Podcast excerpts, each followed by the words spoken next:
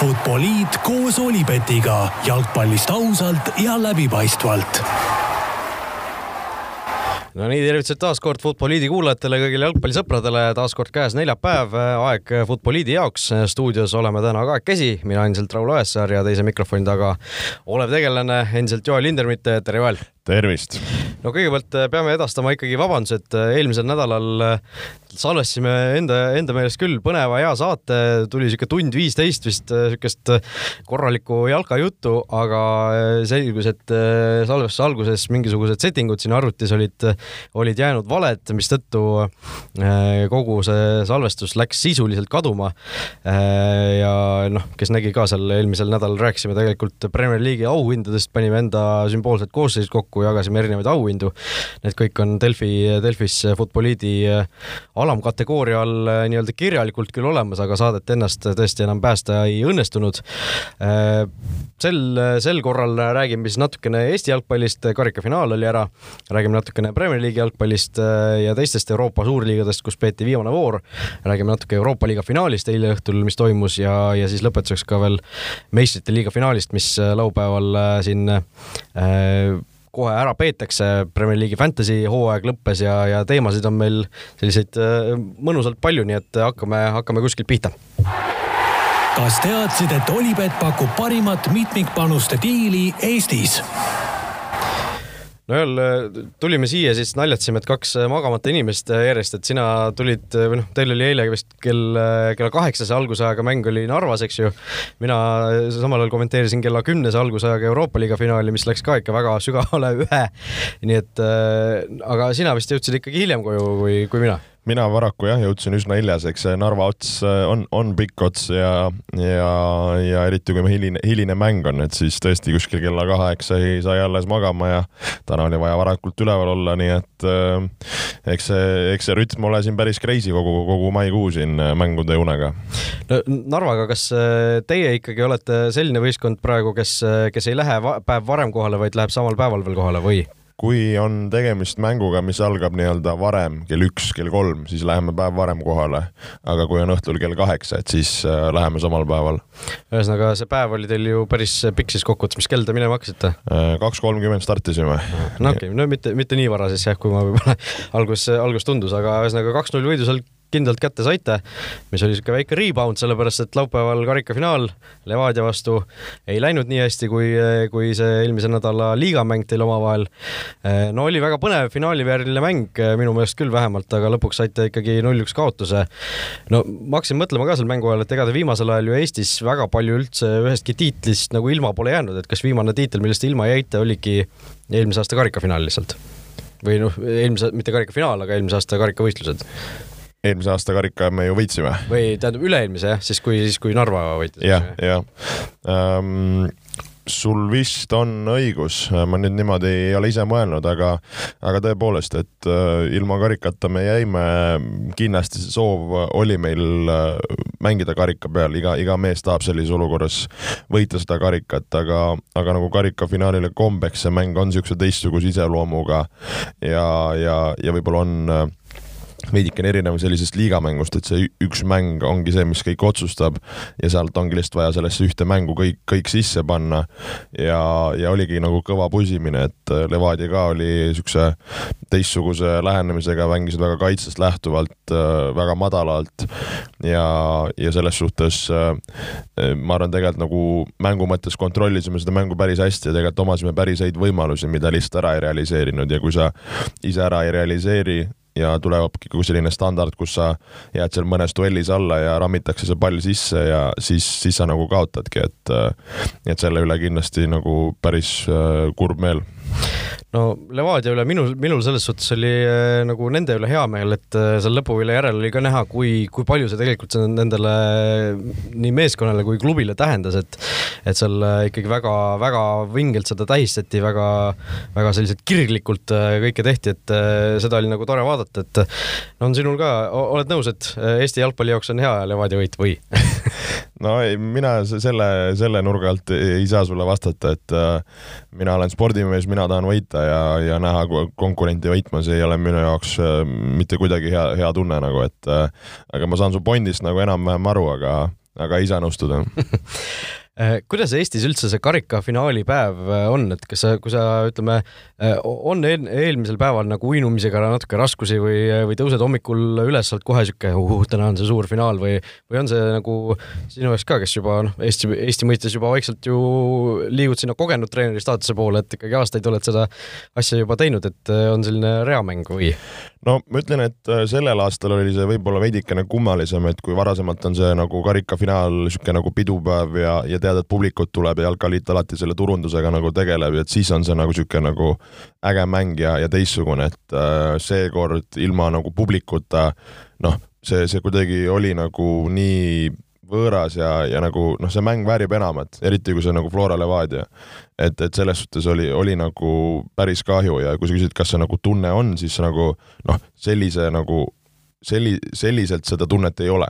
kui sa, kui sa mõistad nagu. Mm., et, äh, et muidugi nagu see finaal ikka nagu enda peas ja kehas nagu tekitab siukse ärevuse, aga samas nagu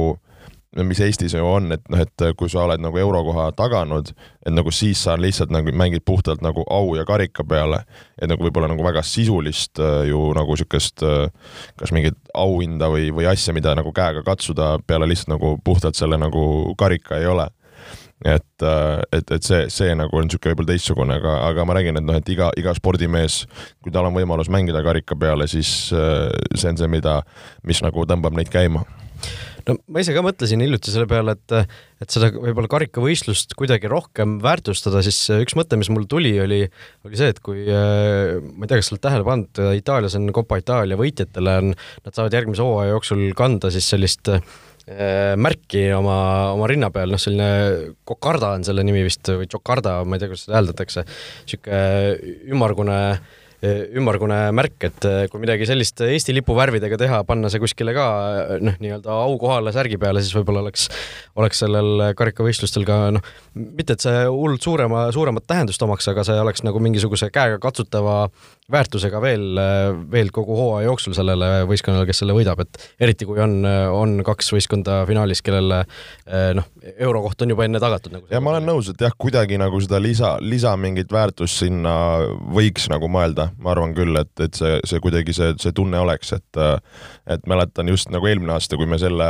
selle karikaga võitsime äh, ja mis, mis on ka see, et sul on see näiteks vist ka seekord, kui eelmine aasta see järgmine mäng on kohe järgmine nagu kolmapäev, et noh, sellest just ega mingit nii-öelda nagu tähistamist või asja sul seal ka väga olla ei saa, et sa tead, et sa pead kas järgmine päev trennis olema või nagu uuel, uuel päeval, et. Äh, no Levadial küll oli siin vaba päev antud ja luba pidutsemiseks ja. nojah, aga kuuldavasti ega ka seal, kus sa, kus sa lähed, eks ju, praegusel ajal nagu, et, et jah, et nagu ütleme, et see tunne nagu, et sa võidad, et oh tore, aga mis nagu edasi, siis on niisugune nagu noh, et, et kuidagi taha, tahaks, et see nagu tunne oleks suurem, kui aus olla mm. -hmm.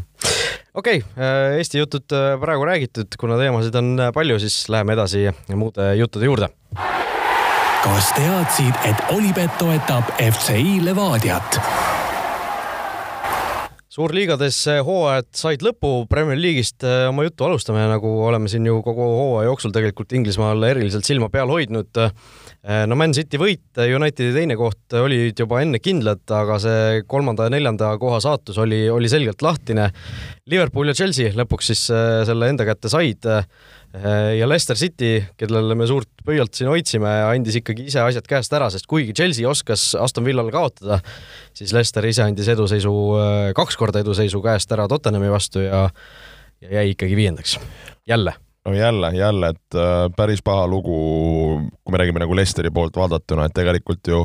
kaks hooaega järjest, et kui siin nii-öelda liita need äh, kahe hooaja mängud kokku, siis kui ma ei eksi, kas praktiliselt äh, ligi, ligi seitsekümmend mänguvooru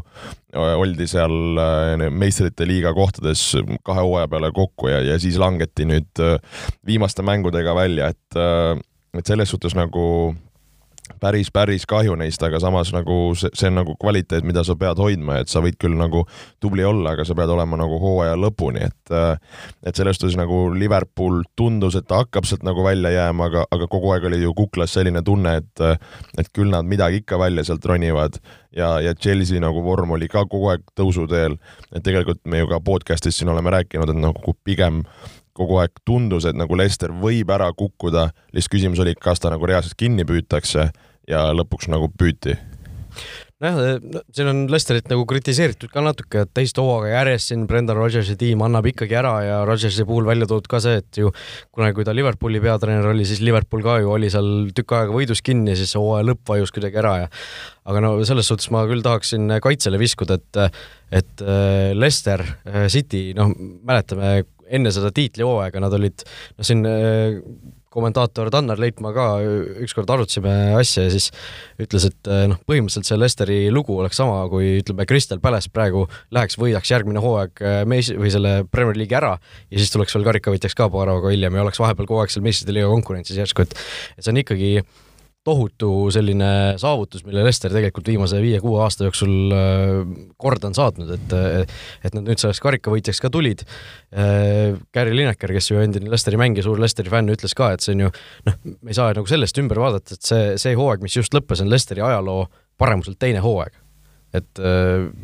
mida sa nagu veel tahad tegelikult ja ma olen sinuga nõus, et selles suhtes, kui sa mõtled nagu, mis poistega nad seal nüüd nagu võistlema peavad, Liverpooli, Chelsea ja, ja Manchesteri klubidega ja nende rahakotti, kui sa mõtled nagu võistkonna peale, et, et Leicesteri-sugune võistkond on üldse nagu pusib seal ja, ja tekitab neile peavalu ja, ja on nagu stabiilne, et see ei ole nagu mingi üllatus või asi et see, et nad on nagu mingi nagu tasemeni jõudnud, et see, see on nagu massiivne ja tunnustust väärt, ei ole küsimustki nagu. et lihtsalt ongi jah, võib-olla nagu ma arvan, see nagu sa ütlesid, et see kaitse, kaits-, kaitsma neid mõnes mõttes peab ja, ja tunnustama selle eest. ja samas mõeldagi, et nagu ka FA karikas tuli koju, et äh, kuskil kuulasin, kas oli Jamie Redknapp ja Ri Michael Richards omavahel vaidlesid, et äh,, et kumma sa võtad, kas sa võtad nagu tšämpa äh, koha või sa võtad äh, karika, siis äh, Jamie Redknapp ütleski hästi nagu, et äh, ma võtaks iga kell karika nagu, et in, nagu okei okay,, sa saad sinna meistrite liigasse, sa mängid, aga nagu mis, mis sul nagu pärast karjääri lõpus meelde jääb, see, et kas sa nagu paar hooaega lõpetasid nagu neljandal meistrite liiga kohal või see, et sa võitsid nagu oma elus karika ja nagu Inglismaal FA karikas on ju noh, ta on nii nagu siukse kui me räägime karikavõidust, siis noh, et selle karikavõit on nagu sihuke mega ja, ja selle, kõik see ajalugu, mis seal taga on. ja nagu klubile karikas, nendele mängijatele, kõigele, et see nagu ma arvan küll, et mis sest, et langeti ära, ma arvan, nagu Lester võib oma hooajaga rahul olla, küll eks ju võib-olla väike sihuke kehv maik jääb aga, aga tegelikult nagu mega. noh, kripeldama jääb seda enam, et see oli ju viimase, viimase mänguni tegelikult või noh, viimases mängus tuli välja, kuna Chelsea kaotas, et see, see oli nende enda teha, et see ei olnud ka niimoodi, et nad viimases voorus võitsid, aga Chelsea ka võitis ja Liverpool ka võitis, et sellepärast jäid ilma, aga aga noh, Brendan Rodgers enne mängu ütles ka, et tegelikult äh, noh, tema iga kell valiks kaks sellist hooaega, kus sa jääd napilt meistrite liigast ilma kui äh, ma ei tea, kümme sellist hooaega, kus sa oled tabeli keskel, ei tee mitte midagi, et tegelikult noh, see on ka hea, hea viis, kuidas asi, asjad nagu perspektiivi panna. et Lesterid tegelikult väga, kaks väga tubli hooaega järjest.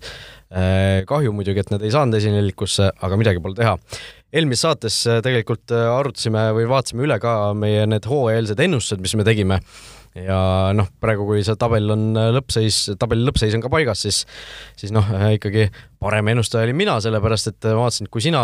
esikümnes ei pannud ühtegi meeskonna, ühegi meeskonna lõppkohta täppi, siis minul läksid kogu, koguni kaks tükki, mina ennustasin City võitjaks ja Liverpooli kolmandaks, täpselt nii ka läks. Liverpool kolmas oli veel ju väga-väga niisugune vastuoluline, vastuoluline niisugune ennustus, aga lõpuks nad sinna kolmandale kohale tegelikult tõusid, mitte langesid. Aga noh, loeme need kiiresti need tabelid ette ka. Jooli ennustus siis hooajal Liverpool esimene, Man City teine, kolmas Chelsea, neljas United, viies Tottenham, kuues Arsenal, seitsmes Leicester, kaheksas Wolves, üheksas Everton ja kümnes Southampton. No kõige suuremad äh, võib-olla eksimused, mis meil mõlemal olid, äh, noh, minu tabel City, Chelsea, Liverpool, neljas Wolves, viies United, kuues Arsenal, seitsmes Leicester, kaheksas Tottenham, üheksas Everton, kümnes Southampton. mõlemad, äh, mis vea me tegime, et Wolvesi ikka tugevalt üle hindasime, mina ikkagi kõvasti rohkem kui sina muidugi. mitte meie, sina sina no,, lepime kokku, ma olen rääkinud kogu aeg, kuhu sa uhad selle Wulvsiga. neljandaks, halloo, neljandaks, Raul no Nuno Espirito Santo on nüüd ka meeskonna juurest lahkunud, tuleb neil uus äh, portugallasest peatreener kuuldavasti, nii et äh, oma sellist äh, senist rada jätkab, aga huvitav on näha, kui nad nüüd Raul Jimenez'i peaksid tagasi saama ja kas nad suudavad nüüd ka suvel siin mingisuguseid täiendusi teha, sellepärast et Diogo Jotast ja Jimenez'ist nad tõeliselt tundsid puudust siin selle hooaja jooksul aga, aga no mis veel siit äh, ennustusest äh, nii-öelda silma kargab, West Hami me kumbki esi, esikümnesse ei pakkunud, ega seda ei teinud ka tegelikult ju mujal äh, ajakirjanikud, eksperdid, see oli, see oli selle hooaja üks suuremaid üllatusi, et nemad nii, nii kõrges mängus nii pikalt püsisid. No ja West Hami puhul Moyesi käel saadi ikka päris hea selline nagu niisugune stabiilne mäng käima ja, ja asjad õnnestusid ja, ja teatud, ütleme ka täiendused äh, Tšehhi poisid seal nagu Soucek, Ufal said käima, kaitses seal Kresvel äh,, keskkaitsed seal, Bonna asjad, need hoidsid asjad korras, noh, poole hooaja pealt tuli eks ju Jesse Lingard, keda me oleme rääkinud, kes andis selle uue värskuse, noh, Antoni oli seal vigastustega hädas, aga samas kui mängis, siis lõi, et niisugune nagu äh, nagu seda West Hami tegelikult ju, nad on näidanud, et neil nagu niisugust nagu kvaliteeti ja klassi on, aga kunagi need asjad ei ole nagu klikkinud ja sellel hooajal nagu klikkis ja, ja samas nagu mida see just näitab, et kui sa rääkisid ka Lesterist, et jalkas ütleme selline nagu,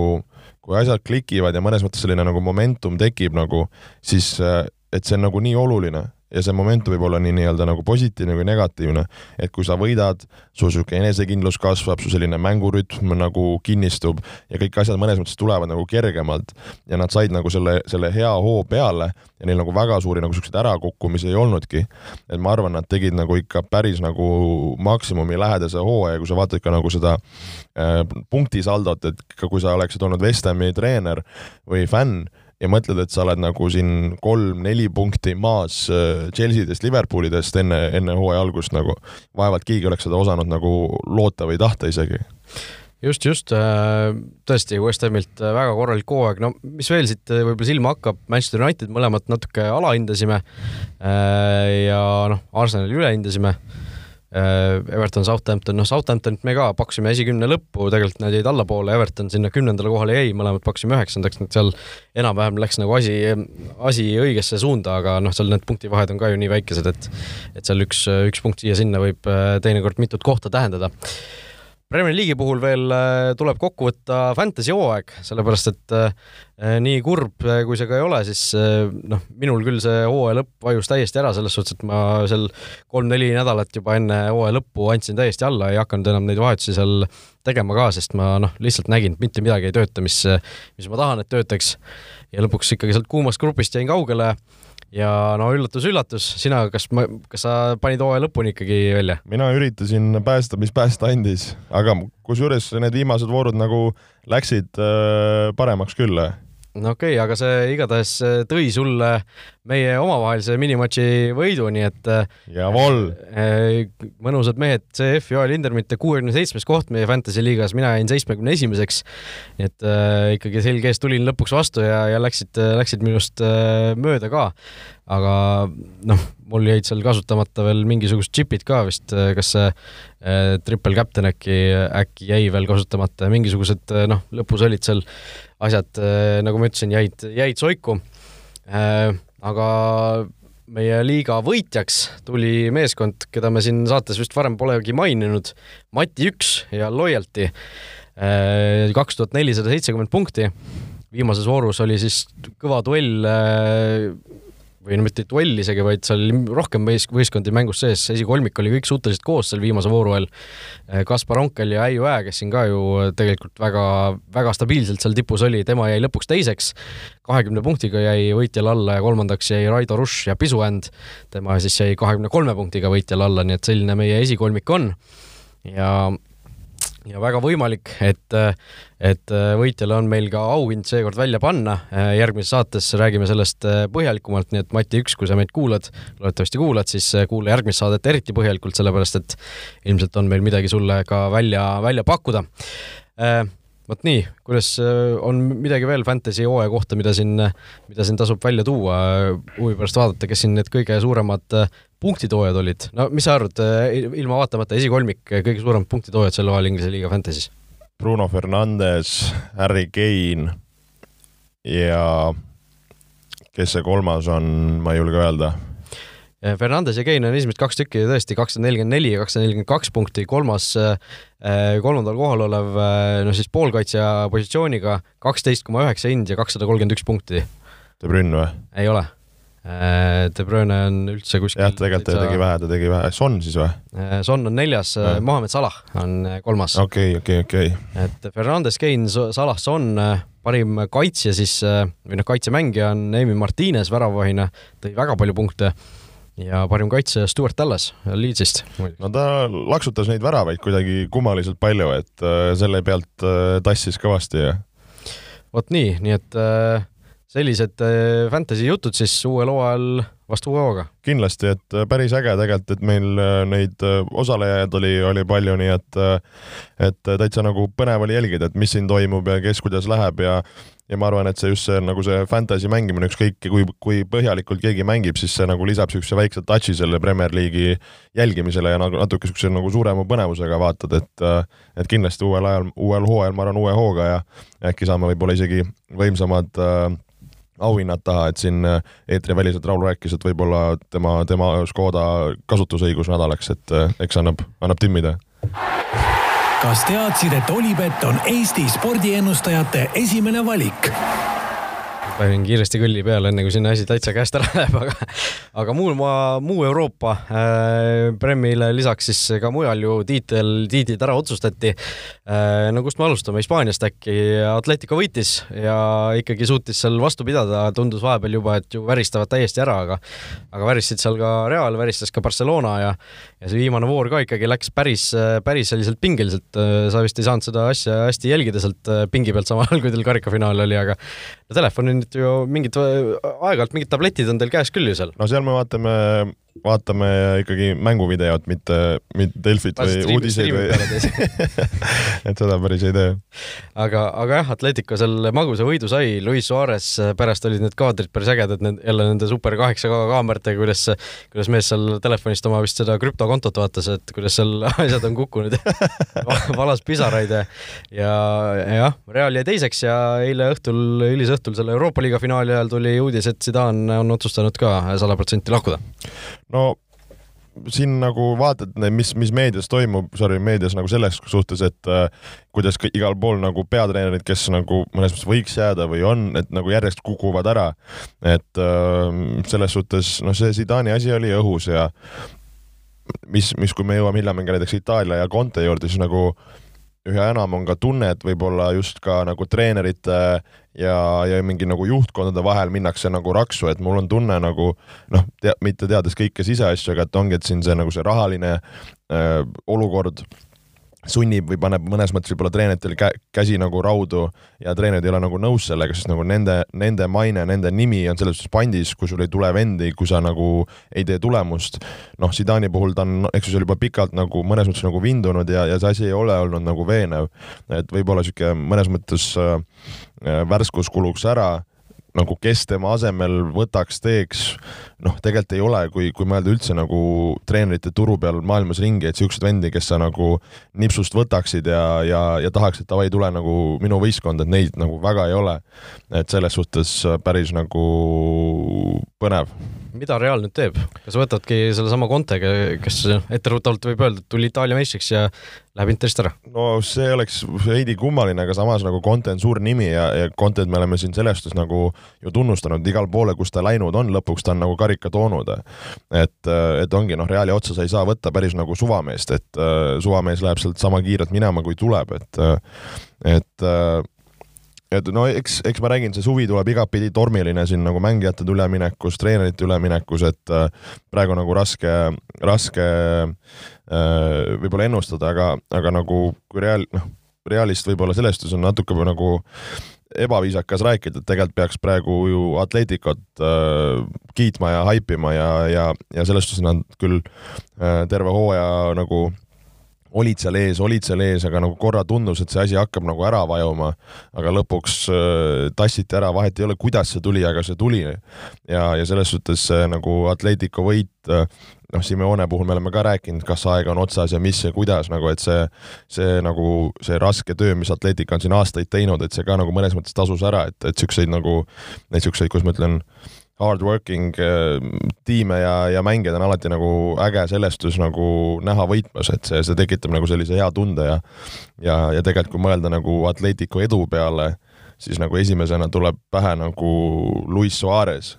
mees, kes siis lihtsalt anti Barcelonast ära, et mine sinna kõrvalpunti ja võida karikas, et nagu see on tegelikult asi, mida, mida ma arvan, kui ma istuksin Barcelona kuskil office'is ja, ja seal mehed omavahel mõtleks, et kuule, mis me nüüd tegime, siis võib-olla keegi seal väikse, väikse tutaka vastu pead saab ka no Barcelona puhul see oli ju tegelikult see Suarez'e minek oli selles suhtes veel naljakam, et ta ju alguses nagu öeldi, et okei okay,, et mine ära, meil ei ole siin rohkem vaja. ja siis, kui said teada, et okei okay,, võib-olla Suarez läheb siis Atleticasse, siis oli, et oot-oot-oot-oot-oot, et me mõtlesime, et umbes, et sa lähed kuskile karjääri lõpetama Ajaxisse või MLS-i, midagi sellist, et et mis sa nüüd ajad, et sa oled ju vana mees, et kus sa hakkad nüüd meil konkurente tugevdama, aga nagu noh, tuli välja, et ei ole, ei ole vana mees, et aga noh, Barcelona üritab nüüd kindlasti seda viga parandada, toob teise vananeva ründaja asemele Sergio Sergio Aguero on juba nendega suulisele kokkuleppele jõudnud ja ja vabaagendina siis Manchester Cityst äh, Barcelonasse liigub Äh, nii et selles suhtes, äh, aga noh, ma suutsin jällegi Atlanticu pealt asja, asja nagu mujale tüürida. aga Atleticust veel rääkides oli tore näha seda, kuidas seal Simeone tütar laulis seda mingit Atletico džanti seal kaamerate ees ja ja Simeone kohta öeldi ka, et kui see vahepeal tundus, et see asi hakkas juba ära vajuma, siis klubi sees oli vist Simeone kehtestanud selle, et me ei ütle enam üksteisele tere hommikust, vaid me ütleme selle asemel, et me tuleme meistriks kõik mingid klubi töötajad, mingid sööklad, tädid ja asjad äh, pidid nagu niimoodi, niimoodi käituma, no lõpuks töötas. okei okay., no Luis Suarez'est veel rääkides, mees kaks tuhat neliteist Hispaaniasse tuli, pärast seda siis noh, nii-öelda seitse hooaega mänginud ja viis liiga, liiga tiitlit temaga, et äh, et selles suhtes see mees, mees on, on näidanud, et on, on võitja ja ja tegelikult kui vaadata ka väravate hulka, et kakskümmend üks väravat, et äh, millest,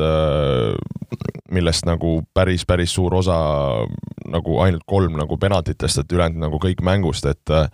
et see, see, et sul, noh, me oleme rääkinud, et see, et sul on ründes vend, kelle peale sa saad loota, kes lööb ära, see on nii oluline just nende nagu võitvate võistkondade puhul just ja noh, Suarezil ühe hooaja jagu veel on tegelikult lepingud ka veel alles Atleticoga, nii et sealt võib veel, võib nagu veel tulla, aga aga eks näis, äh, no läheme Itaalia juurde ka, Itaaliast natuke juba rääkisime siin äh,. Itaaliast muidugi juhtus õnnetus, sellepärast et Napoli libastus viimases voorus, lasi Juventuse äh, esinelikusse,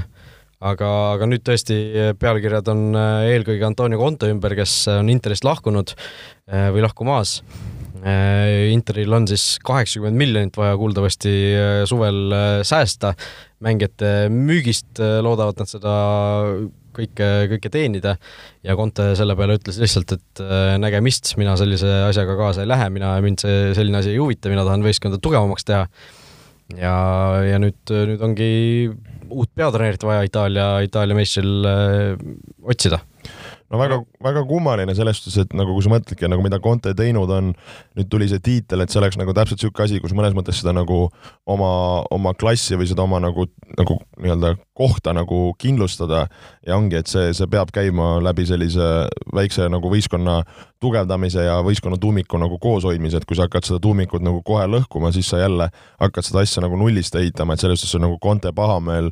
tundub nagu igati õigustatud ja, ja arusaadav, aga, aga nagu ma siin ennem ütlesin ka, et nagu, et me ei tea nende klubide rahalisi seise, mis, mis kogu see siin need viimased kaks aastat on nagu tekitanud, et noh. Interil on vist mingid muud asjad ka, neil on see Hiina, Hiina mingisugused investorid on omanikud ja nad vist väidetavalt äh, kuskilt lugesin, et ei saa seda raha nagu Hiinast kuidagi välja, välja saada, et Hiinas mingid seadused muudeti, kus, kus on nagu tehti väga raskeks äh, Hiinas teenitud raha nagu välismaale investeerimise, vist mingi, mingi selline teema, et et noh, see on nagu selline paratamatu olukord, millesse see klubi on lihtsalt sattunud, et seal ei ole, ei ole nagu selline sportlik valik, et okei okay,, et me nüüd, kuule, et me nüüd tahaks nagu, võitsime tiitli ära, et võtame nüüd rahulikumalt, et seal on ikkagi asjad selgelt äh,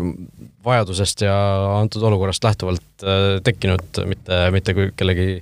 mingisuguse sellise säästusoovi pealt. jah, proovin võib-olla lähipäevil siin äh, Itaalia sõbrale ka kätte saada, kes äkki oskab seal natukene siseelu sellest rääkida ja võib-olla järgmine podcast äh, suudan, suudan äh, rohkem infot omada, aga aga sellest on nagu kahju, et mulle nagu see Interi tulek ja, ja niisugune see see Conte seal ees nagu meeldis, et ma just mõtlesin ka nagu Euroopa peale, et oleks, oleks nagu võistkond, kes võiks tegelikult nagu tulemust teha, kui kui, kui selleks nagu võimalust on, aga aga selles suhtes nagu see seeria lõpust rääkides, et, et, et nagu tundus, et pigem Juventus nagu munab ära selle, aga no tehti kingitus, siis tehti ja ja, ja lõpuks Pirlo sai selle kätte, aga no Juventus ikka nagu väga hädiselt ikka tegelikult terve hooaja tuli, et, et nagu päris piinlik, kui nüüd aus olla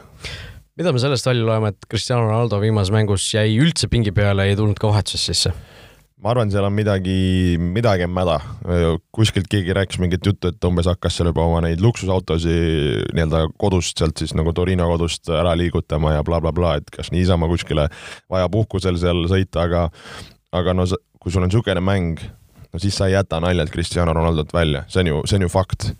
et kas ta on ise seal mingi, mingi probleema seal üles tõmmanud või, või mingi draama,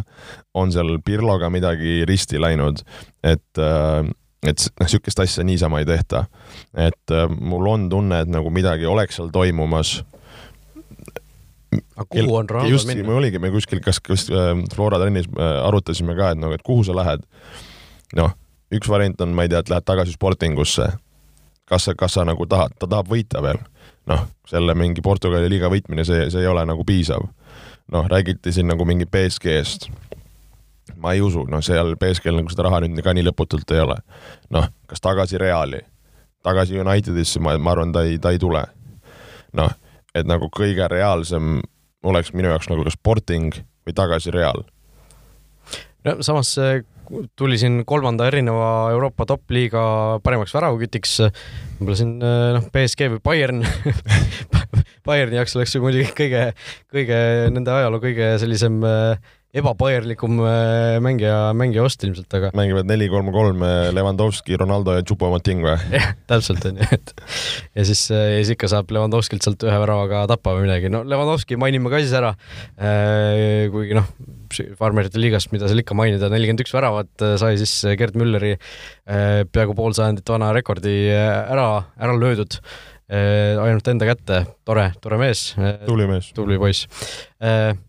Itaaliast äh, veel midagi või Ronaldost, äh, no ütlen, ega neid variante ju ei ole, no MLS-i ka veel ei ju ei, ei, ei, no see on, see oleks ka nali, nagu ma ei usu, et ta siin, sinna, sinna ma ei, ta on küll glamourous mees, aga nagu see tunduks nagu liiga nali. Karl Metsa kimbutama Saudi Araabiasse no ei tea. Ronaldo puhul toodi ka nagu see hea point välja, et tegelikult noh, kõik need rahaliigad suured, mis on nagu ülejäänud jalgpallurite jaoks rahaliigad, ega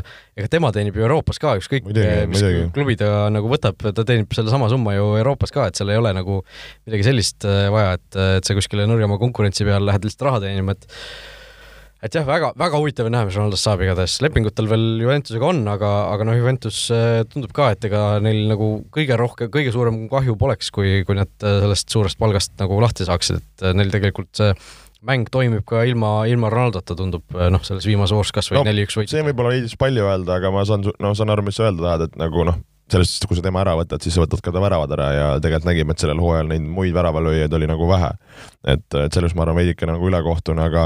aga kui ma ütlesin, et nagu, et see suvi tuleb äge, siis ma arvan, et see nagu noh, esiteks meil on nagu EM, mis on äge, tihti nagu EM-il tulevad mingid äh, staarid või mingid mehed esile, kes, kes hakkavad liikuma. meil on siin need suured nimed, kes, kes hakkavad liikuma. nüüd ongi küsimus, et kas klubidel on siin aasta aega kuidagi seda raha kokku kraabitud ja, ja leitud, et midagi või kedagi nagu osta aga ütleme nagu siukseid nagu põnevaid äh, vendi, kes, kes, kes peaksid liikuma nagu on küll, et äh, nagu ei tahaks nagu nii äh, nagu jõuliselt välja öelda, aga äkki üks nagu ägedamaid, ütleme, suviseid transfer windows'i võiks, võiks meid ees oodata või? no vaatame jah, Garrett Bale siin ka ju lubas, et kui tema otsust teada saab, siis tuleb kaos. et siin vahepeal spekuleeriti, et võib-olla lõpetab mees üldse karjääri ära, aga eile siin ikkagi sellised vihjed tulid, et, et see on fake news, et pigem võib-olla ikkagi tagasi Reali ja vaatab edasi, et et, et mis sellest saab, aga Prantsusmaal elu ilus. Lill äh, kindlustas meistritiitli ära BSG ees. Burak Yilmaz, kolmekümne viie aastaselt, esimene, esimene hooaeg siis Türgist väljaspool Euroopas. Äh, kuusteist väravat, äh, tõeline kunn. aga noh, seal ka samamoodi peatreener Christophe Galtier, kes Lilli meistriks viis, pani ameti maha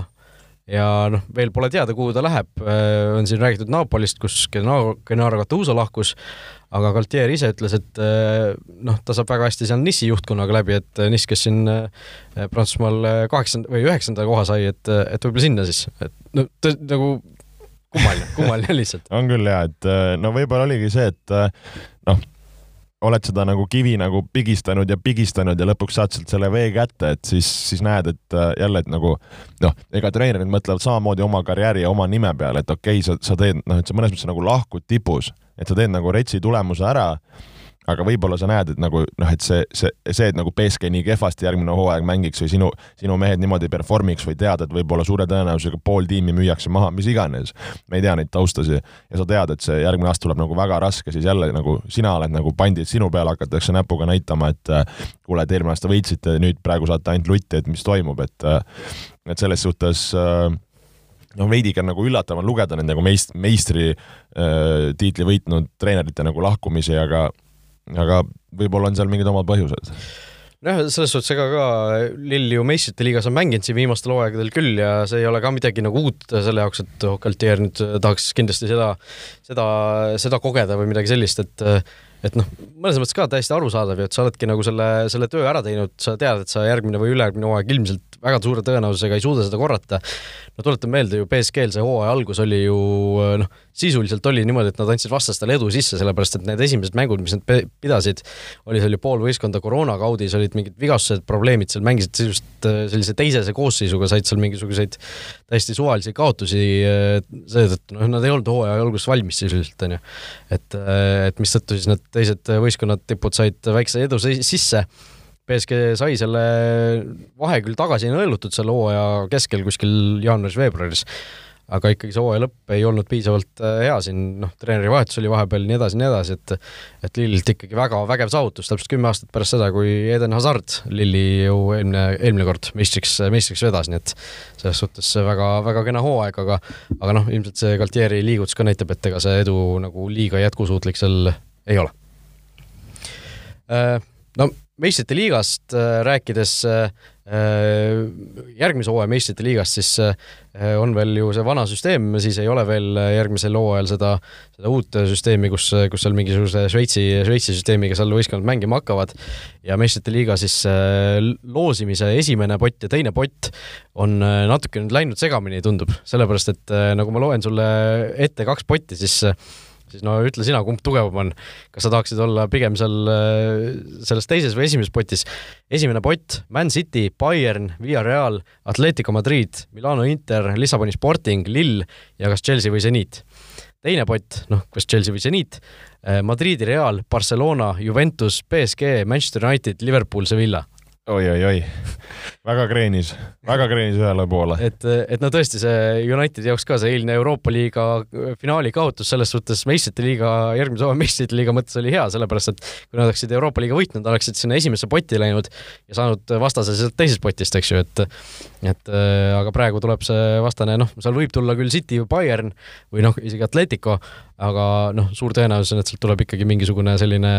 tunduvalt jõukohasem, jõukohasem vastane. kas sa oled kursis, et see Chelsea, see Needi, see, et äh, millest see sõltub või? Äh, no kas Chelsea võidab äh, meistrite liiga või mitte, et meistrite liiga ju tiitlikaitse saab ka esimese asetuse, et noh, Cityl on see juba niikuinii olemas, kuna City on Inglismaa meister, aga aga tõesti, kui Chelsea võidab, siis on Chelsea esimeses potis, kui Chelsea kaotab, siis on Peterburi Zenit esimeses potis. et Vene, Vene meister on Vene, Vene meister on viimasel ajal jah, olnud täiesti ma tean, et neid on kogu aeg nagu kõrgel hoitud ja, ja nagu see umbes nagu see koefitsient on kõrge olnud, aga ma nüüd ei olnud meeles, et nad nagu pott, pott ühes on, et see tundub kuidagi no see on, äh, eks ju, see esimene pott koosnebki siis äh, meistrite liiga valitsevast meistrist, äh, Euroopa liiga valitsevast võitjast ja siis noh, nii palju Euroopa tippliigade võitjaid, kui sinna veel lisaks mahub, on ju, et nagu sel aastal ongi Chelsea ja Villarreal näiteks võidavad mõlemad eurosarjad, noh, Villarreal juba tegi, siis noh, neid Euroopa liigade meistreid mahub sinna esimesse potti selle võrra vähem. aga, aga noh, kui oleks näiteks, ma ei tea, Man City võidaks ja Manchester, mitte Manchester United, vaid ütleme, Müncheni Bayern oleks Euroopa liiga võitnud, siis oleks äh, lisaks äh, veel, veel vist keegi olnud seal Euroopa suurliiga Portugalist või, Hollandist või kuskilt, Portugalist, Portugalist on niikuinii Lissaboni Sporting, on ju. Et, äh, et jah, see süsteem on natukene võib-olla mingis mõttes vildakas, aga, aga seda enam võib-olla põnevam on seda loosi, loosiprotseduuri jälgides seal, noh, kui seniit äh, jääb sinna teise potti väga tugevate võistkondadega, siis on jällegi see, et kes selle seniidi sealt äh, teisest potist saab ja ja võib tulla mingisugune naljakas grupp, et Lissaboni Sporting, seniit ja siis ma ei tea, Anderleht ja FC Flora, midagi sellist no loodame. Aga, aga võib tulla ka jah, Manchester City, Real Madrid ja ja nii edasi. Ähm, okei okay,, räägime natukene siis eurosarjast ka, kui juba jutt selle peale vaikselt, vaikselt siin kaldus kas teadsid, et Olipet toetab FCI Levadiat? eile õhtul Euroopa liiga finaal, Villarreal, Manchester United, eh, no oli suhteliselt selline äh, finaali moodi mäng selles suhtes, et ega kumbki võistkond mingisuguseid riske seal ei võtnud, üks-üks. Villarreal läks esimesel poolel juhtima Gerard Moreno väravast ja teisel poolel siis suutis Edinson Cavani viigistada äh,. aga see penaltiseeria, see penaltiseeria kakskümmend lööki järjest sisse või kakskümmend üks lööki järjest sisse ja siis Davit De Gea eksis, et äh, sellist asja ka väga tihti ei näe, kus ikkagi reaalselt peavadki väravahid tulema ise ka lööma. ja ise üritasin ka meenutada, et äh, tagasiteel siis äh, Narvas sai ilusti telefonis bussis seda vaadata ja ja kuulata, kuulata sind kommenteerimas, et äh, et selles suhtes äh, päris, päris crazy, et, et just nagu nägid sellist penaltiseeriat ja mis mõnes mõttes oli fenomenaalne, et äh, no minul oli juba, juba ütleme äh, penaltiseeria alguses tunne, kui ma nägin, et Villarreal alustab ja kui hästi nad penaltid lõid. kusjuures miks alustas Villarreal, sellepärast et Bruno Fernandes ja, võitis ja, ja su... valis ise teisele löömise. kusjuures ma nagu, tundus sama nagu noh, ma nii hästi ei kuulnud, eks ju, aga aga mul tundus ka samas, mõtlesin, et oota, mis asja sa teed nüüd, et äh, et, et sa nagu valid teisena, et mul oli lihtsalt kogu aeg tunne, et kuna Villarreal lõi nagu päris hästi penalteid ja nende niisuguse nagu see emotsioon tundus nii palju nagu kuidagi nagu parem või kindlam,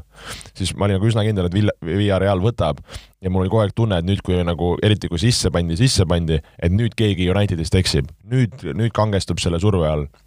aga ei kangestunud ja ei kangestunud nagu, et noh, seal oli, eks ju, varianti seal kangestuda, seal kiiprid said käsi vahele, aga, aga et see, et ta nagu nii kaua läks, see oli nagu minu jaoks äh, päris suur üllatus. no väravavahtidest rääkides, siis äh, no ühtegi tõrjet ei suudetud ei De Gea ega seal äh, Geronimo Rulli äh, Villarreali poolt äh, teha päris tükk aega. no kõige lähemal oli Rulli selle Luke Shaw penalti äravõtmisega, noh, Luke Shaw läks juba sellise sitahäda näoga sinna lööma, et no ma ei taha siin olla, ma ei taha siin olla, palun lihtsalt saagu see asi läbi. ja ikka päris korraliku plonni pani sinna alla nurka, aga Rulli kuidagi puterdas selle põhimõtteliselt sisse, et, et aga noh, see, millise sellise kindlusega kõik neid penaltid kuskile alla nurka, ristnurka tagusid, isegi mehed, kes nagu tulid seal üheksakümnenda kümnendana lööma ja sellise näost täiesti kaamed, onju, et et noh, Lindelöf oli ka sellise, täpselt sellise näoga, et okei okay,, et noh, sealt peab ju eksimus tulema, aga ei tulnud, ei tulnud. Noh. jaa, selles suhtes küll, et tuleb tunnustada, et need äh, löögid olid, äh, ütleme, manumehed läksid nagu palle niisugune nagu nagu täiega panema mõnes mõttes, Villareali mehed seal näha oli kesk nagu veidikene sihuke noh, hispaanlalikult seal natukene kannatasid, vaatasid, mis De Gea teeb. Ja, ja noh, mõni pani sinna lati alla ka, et just need nagu kõrgele löödud penaltid, need nagu näitavad seda nagu sihukest nagu võimsat enesekindlust. et, et tõesti nagu tavaliselt sa ju näed penaltiseerias, kas sa tuleb nagu sihuke nagu pool sihuke nagu noh, nagu sa ütlesid, mingi plönniga lööb ära või sihuke nagu joppab kuidagi, aga noh, need pandi nagu konkreetselt sisse, et, et see näitab nagu head närvi ja, ja, ja tõesti, nagu sa ütlesid ka, et nagu kaheksas-üheksas mees suutsid ka nagu väga häid pendleid lüüa. aga, aga noh, siin enne, enne, enne lindistamist arutasime ka, et nagu, mis minule jäi kohe, kohe nagu kõrvu ja silma, et kui sa tõid äh, ka kommenteerides välja selle väravahtide nii-öelda varasema penalti kogemuse, siis minu jaoks tekitas nagu Ole Gunnari vahetustaktika nagu pani, pani kukalt kratsima. no äh, Solskjaer ju kõigepealt ei teinud ühtegi vahetust enne seda, kui lisaja esimene poolaeg oli vist poole peal, kui Fred lõpuks sisse tuli, eks ju, mis oli ka juba natuke selline noh, kummaline, aga sama, samas nagu ei olnud ka ühtegi mängijat, kelle pealt nagu väga oleks otseselt enne kärisenud ja ja noh, kui sealt pingi peale vaadata, ega seal ei olnud ka mingisuguseid erilisi supermehi, keda, kes sealt, kes sealt kohe sealt äh, oleks platsile hüpanud ja mängu teinud, et et ma võib-olla seda, seda nii palju ei kritiseeriks, aga küll aga tõesti seda, et David De Gea viimati tõrjus penalti aastal kaks tuhat kuusteist, pärast seda, enne seda penaltiseeriat oli talle järjest sisse löödud kakskümmend viis penaltit. Äh, Dean Henderson samal ajal seitseteist penaltit äh, sama perioodi jooksul, seitseteist penaltit oli talle löödud, neist kaheksa oli ta tõrjunud või oli kaheksal eksitud, ma ei tea, kuidas see täpselt oli. aga noh, ilmselgelt äh, Henderson on penaltites parem kui De Gea, aga noh, Solskjaer, ma ei tea, kas ta ei mõelnud selle peale või ei tahtnud seda vahetust mingil muul põhjusel teha, see võimalus oli tal tegelikult olemas seal lisaaja lõpus. Äh, no kes ütleme, panen sind praegu kuuma tooli peale, Floral tuleb siin penaltiseerija, oleks võinud karikafinaalis tulla, kas sa tead peast, kes, kes on sul kõige parem penaltitõrjuja võistkonnas? kusjuures me, kui me enne karikafinaali tegime, siis näiteks Nõmm tõi kõige rohkem pendleid ära ja siis oli isegi nagu omavahel nagu naljatlesime ja mõtlesime selle peale, et kui on vaja, siis kasvõi toome nagu, et äh, noh, selleni see asi ei läinud nagu, et sellest on hea siin rääkida, nagu oleks või mitte. aga, aga kui, kui ma nagu kuulsin, et sa selle nagu statistika seal kommenteerides ka välja tõid, siis ma nagu mõtlesin, et nagu, et mille, milles üldse küsimus, milles küsimus nagu, et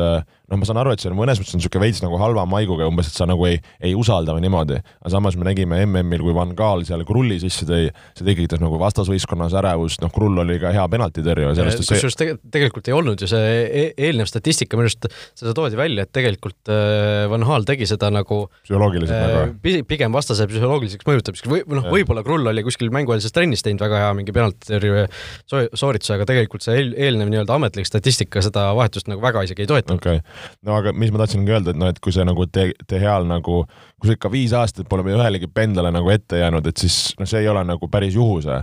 et, äh, et selles suhtes noh, et ta, mis, mis seal neid vahetusi tegi, okei okay,, seal Shaw sai nat-, ei no Shaw ju lõpuks jäi, Telles tuli seal kellegi muu asemel. et sa tood seal Tellese, Mata, okei okay,, Mata on hea lööja, Telles ka võib-olla, aga tood selle Don Zebe sisse nagu, et uh, Don Zebe oli mingi seitsmes, kaheksas või üheksas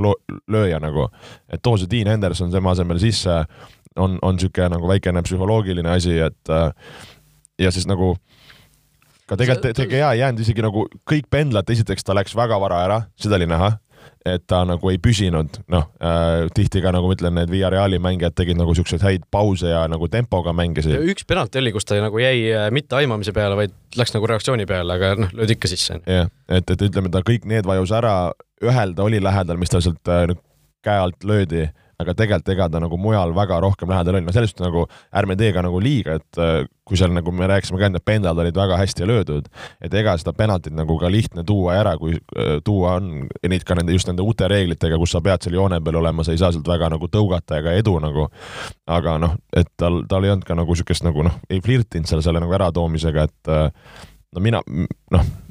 hea öelda, mina oleks vahetanud nagu, aga, aga, aga kindlasti selle, see on nagu asi, mille peale nad tagantjärgi mõtlevad, et kurjad, kas oleks võinud teha nagu. no sa rääkisid, noh, Tuanzebe mulle tundus, et pigem oli isegi selle pealt, et Pai oli juba suhteliselt väsinud, tal oli kollane kaart all. okei okay,, saja kuueteistkümnendal minutil, isegi kui sa punase kaardi saad, siis ega seal väga suurt äh, nagu mingit vahet ei ole, aga aga lihtsalt võib-olla seda kaitset äh, tsementeerima sinna, aga noh, tegelikult üks vahetus jäi äh, Unitedil kasutamata lihtsalt, noh, lisaajal sa saad kuuenda vahetuse ka veel. United tegi viis tükki ära, et sada kakskümmend pluss kolm, kui toodi seal Telles ja Mata sisse, siis noh, lihtsalt oleks võinud Hendersoni ka tuua, aga aga noh, kui palju seal on seda, et, et sa võib-olla lähedki, ma ei tea, De Geaga tülli, kui, kui sa sellise vahetuse teed no,? See... sa ei usalda, aga sama, samas noh, Henderson ei saanud kogu mängu mängida, et mängus sa usaldasid ju De Gead. no ma mõtlengi, et tegelikult me lihtsalt ei ole näinud väga neid äh, selliseid lükkeid, et tegelikult ju Van Hal on olnud suht ju nagu ainuke äh, Kepat taheti ju niisama kunagi välja võtta või see oli ka penaltiseerijaks või? kas see oli ka enne penaltiseeria? see oli jah, vist ikkagi enne penaltiseeriat. jah, noh, eks ju, et see oli nagu üks move, mis, mis tehti, et selles suhtes noh, sa ei ole seda väga näinud, sellest on nagu räägitud, noh, et see on niisugune veits nagu ebatavaline, et kas sa nagu tahad seda teha, no kas tülli või mitte, nagu see see veidikene on, aga samas nagu kui see äh, De Gea ja äh, Hendersoni nagu niisuguse edasi-tagasi mängimine on olnud nagu kogu hooaja lõikes, siis nagu selle mängu lõikes ma arvan, ei oleks nagu nii hull võib-olla olnud. et äh, noh, eks ta, ma räägin, niisuguse veits kehva maiguga on mõnes mõttes nagu De Gea poolt vaadatuna, aga, aga nojah, kui see mees ei ole nagu midagi teinud, siis, siis nagu tal ei ole midagi ka hüpata, et ja ka nagu nüüd, nüüd ka ise ka midagi ära ei toonud jah äh,, meistrite liigas finaal ootab meid laupäeva õhtul ees. Chelsea versus Manchester City äh,. no viimase noh, natuke rohkem kui kuu aja jooksul need võistkonnad on juba kaks korda vastamisi läinud. FA karika poolfinaalis võitis Chelsea üks-null ja Premier League'is kaks-üks, aga mõlemas mängus City oli natukene sellise teisese koosseisuga peal äh, no mida me sellest ootame, City on ikkagi äh, selgelt märgitud siin soosikuks, Olibeti kui koefitsiente vaadata ka, siis äh, normaalaja koefitsiendid City üks üheksakümmend kaks, Viik kolm koma neli ja Chelsea neli koma kolmkümmend kolm. Äh, aga kas, kas need, ütleme, jõujooned on, ongi umbes sellised siis? no minu jaoks üllatuslikult äh no arusaadav, City on favoriit, ütleme niimoodi, number üks. kui sa küsid, kas need jõujooned on, ongi sellised, siis minu jaoks nagu Chelsea, kui vaadata koefitsienti neli koma kolmkümmend kolm, on, on nagu selles suhtes nagu magus koef ja veidikene võib-olla nagu isegi liiga äärmuslik, et kui vaadata nagu näiteks viimased kaks mängu, mis äh, sellel aastal mängitud on, noh, üks oli FA Cup, teine oli, teine oli liigas, mõlemad on tegelikult Chelsea võitnud. Äh, ja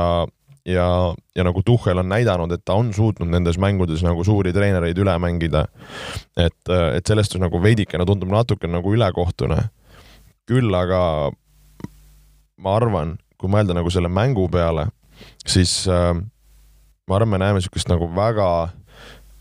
taktikalist, väga sellist äh,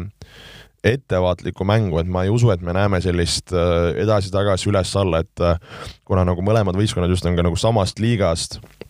nad on hiljuti omavahel mänginud, nad on siin erinevaid asju proovinud, katsetanud, et, et siis on nagu see kõik nii teada-tuntud ja ma arvan, nagu mäng käib põhimõtteliselt nagu mõlemad pooled nagu, et kuidas neutraliseerida vastast ja kuidas nagu mingit oma, oma asja nagu teha. et kui oleks nagu kaks niisugust võistkonda, kes, kes väga üksteist ei tunne, siis võib-olla niisugust nagu variatiivsust või niisugust nagu lahtisust oleks nagu rohkem. et ma kardan, et me näeme üsna niisugust nagu kuiva ja taktikalist finaali, ma väga loodan, et mitte, aga mu nagu niisugune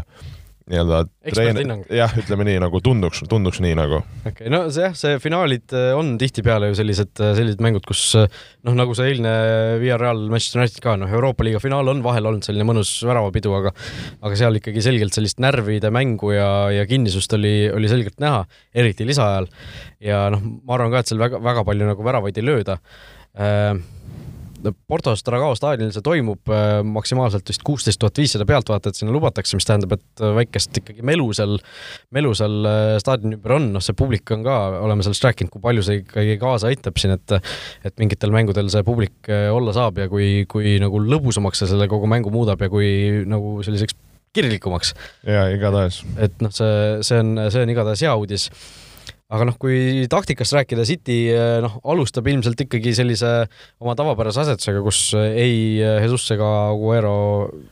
põhikoosseisu ei kuulu. no Pepi me ei tea, eks ju. No, seal võib olla kuskil Ederson keskväljal alustada või midagi sellist. et eh, no ütleme niimoodi, et eh, kui, kui nagu natuke nagu põhjalikumalt taktikaliselt rääkida, et ma arvan, Chelsea mängib seda, seda nagu oma mängu, nagu nad on kogu aeg mänginud, ehk sihuke, ütleme siis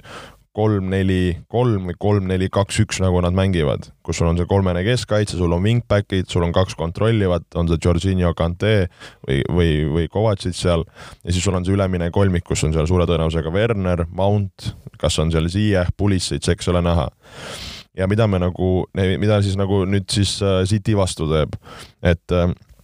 kuna nagu see Chelsea formatsioon on selline, mis tekitab sul nagu väga palju selliseid nagu väljakutseid. et kõigepealt tekitab väljakutse see, et sul on need kolm keskkaitset, kes saavad nagu väga hästi mängu üles ehitada, kuna nad on kolmekesti, seal tekib juba taga nii-öelda arvuline ülekaal.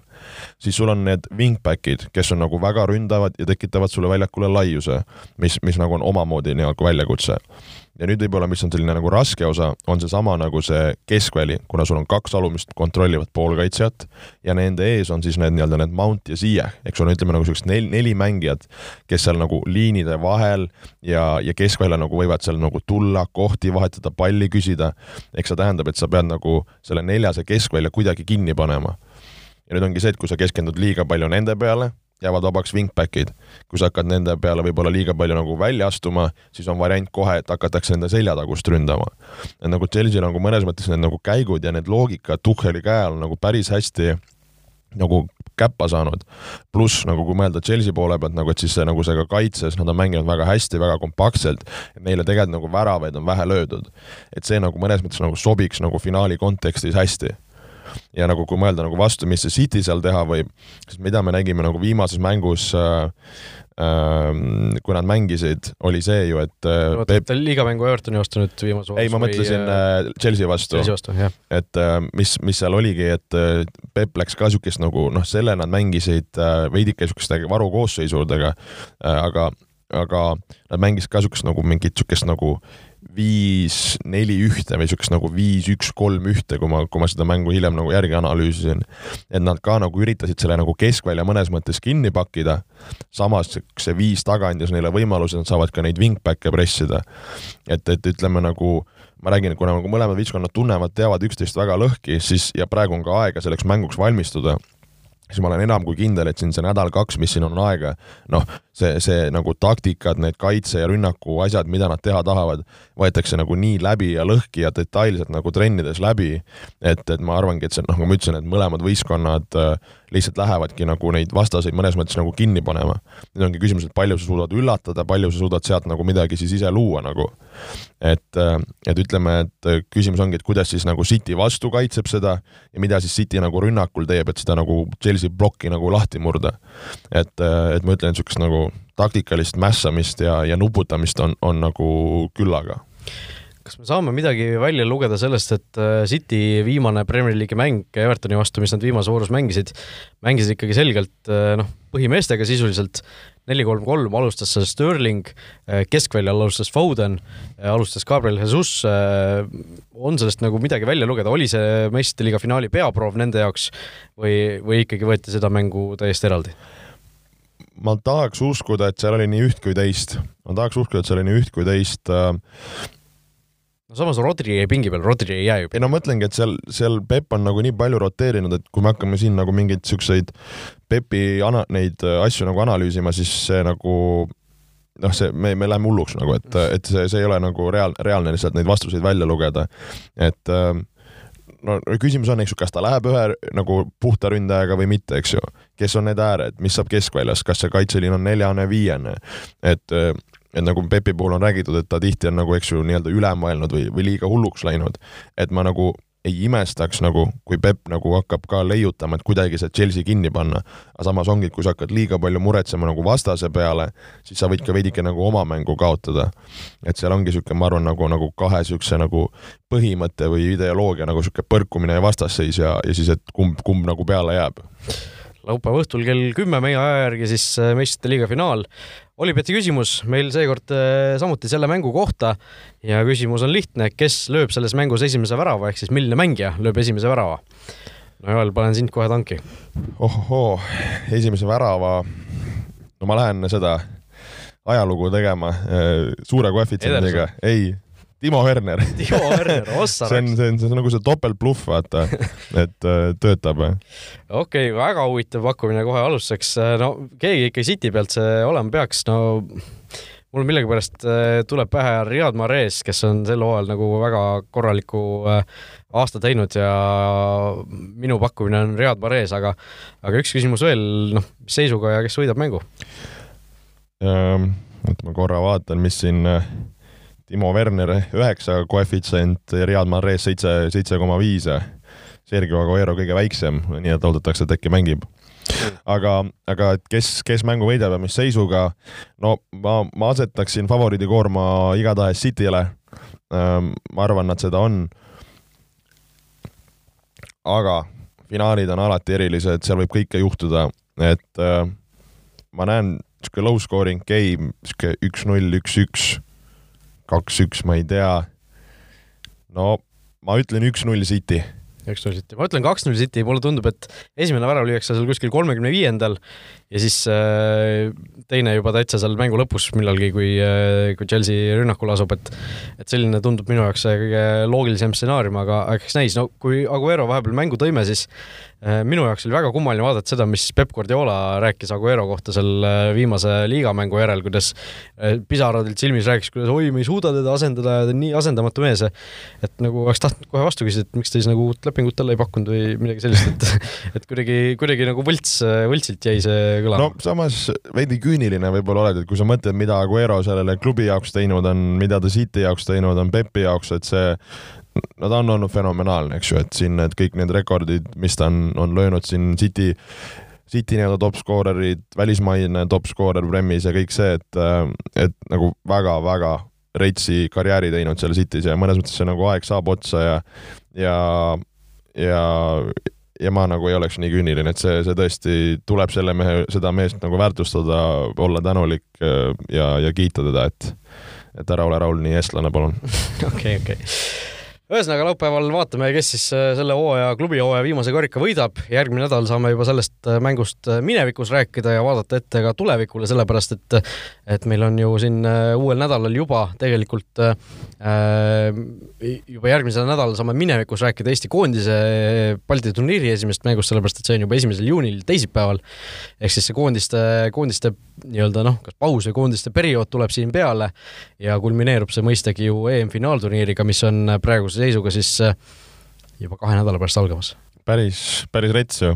äge, äge, äge. minul on äh, haip juba täiega sees. vaatasin siin mingi päev, äh, sattusin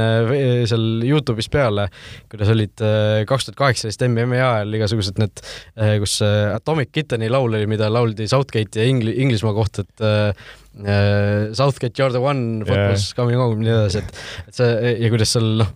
fännid on ju pubid täis fänne, kuidas mul tuli endale meelde, kuidas ma seal kaks tuhat kaheksateist MM-il käisin, noh kõik need äh, mälestused tulid nagu väga ette, et see koondise suvi on, äh, on eriline, kahju, et see sel aastal noh, okei okay,, fännid on, aga mitte, mitte päris sellises mahus nagu varem, et et see kõik tekitas niisuguse mõnusa tunde sisse ja minul on, ma olen väga igatahes hyped up juba EM-i osas, nii et ootame huviga. ootame huviga, väga tore, jalgpall on äge vot nii, kõike head! olge mõnus! vutiviikendi parimad kohvid leiad Olipetist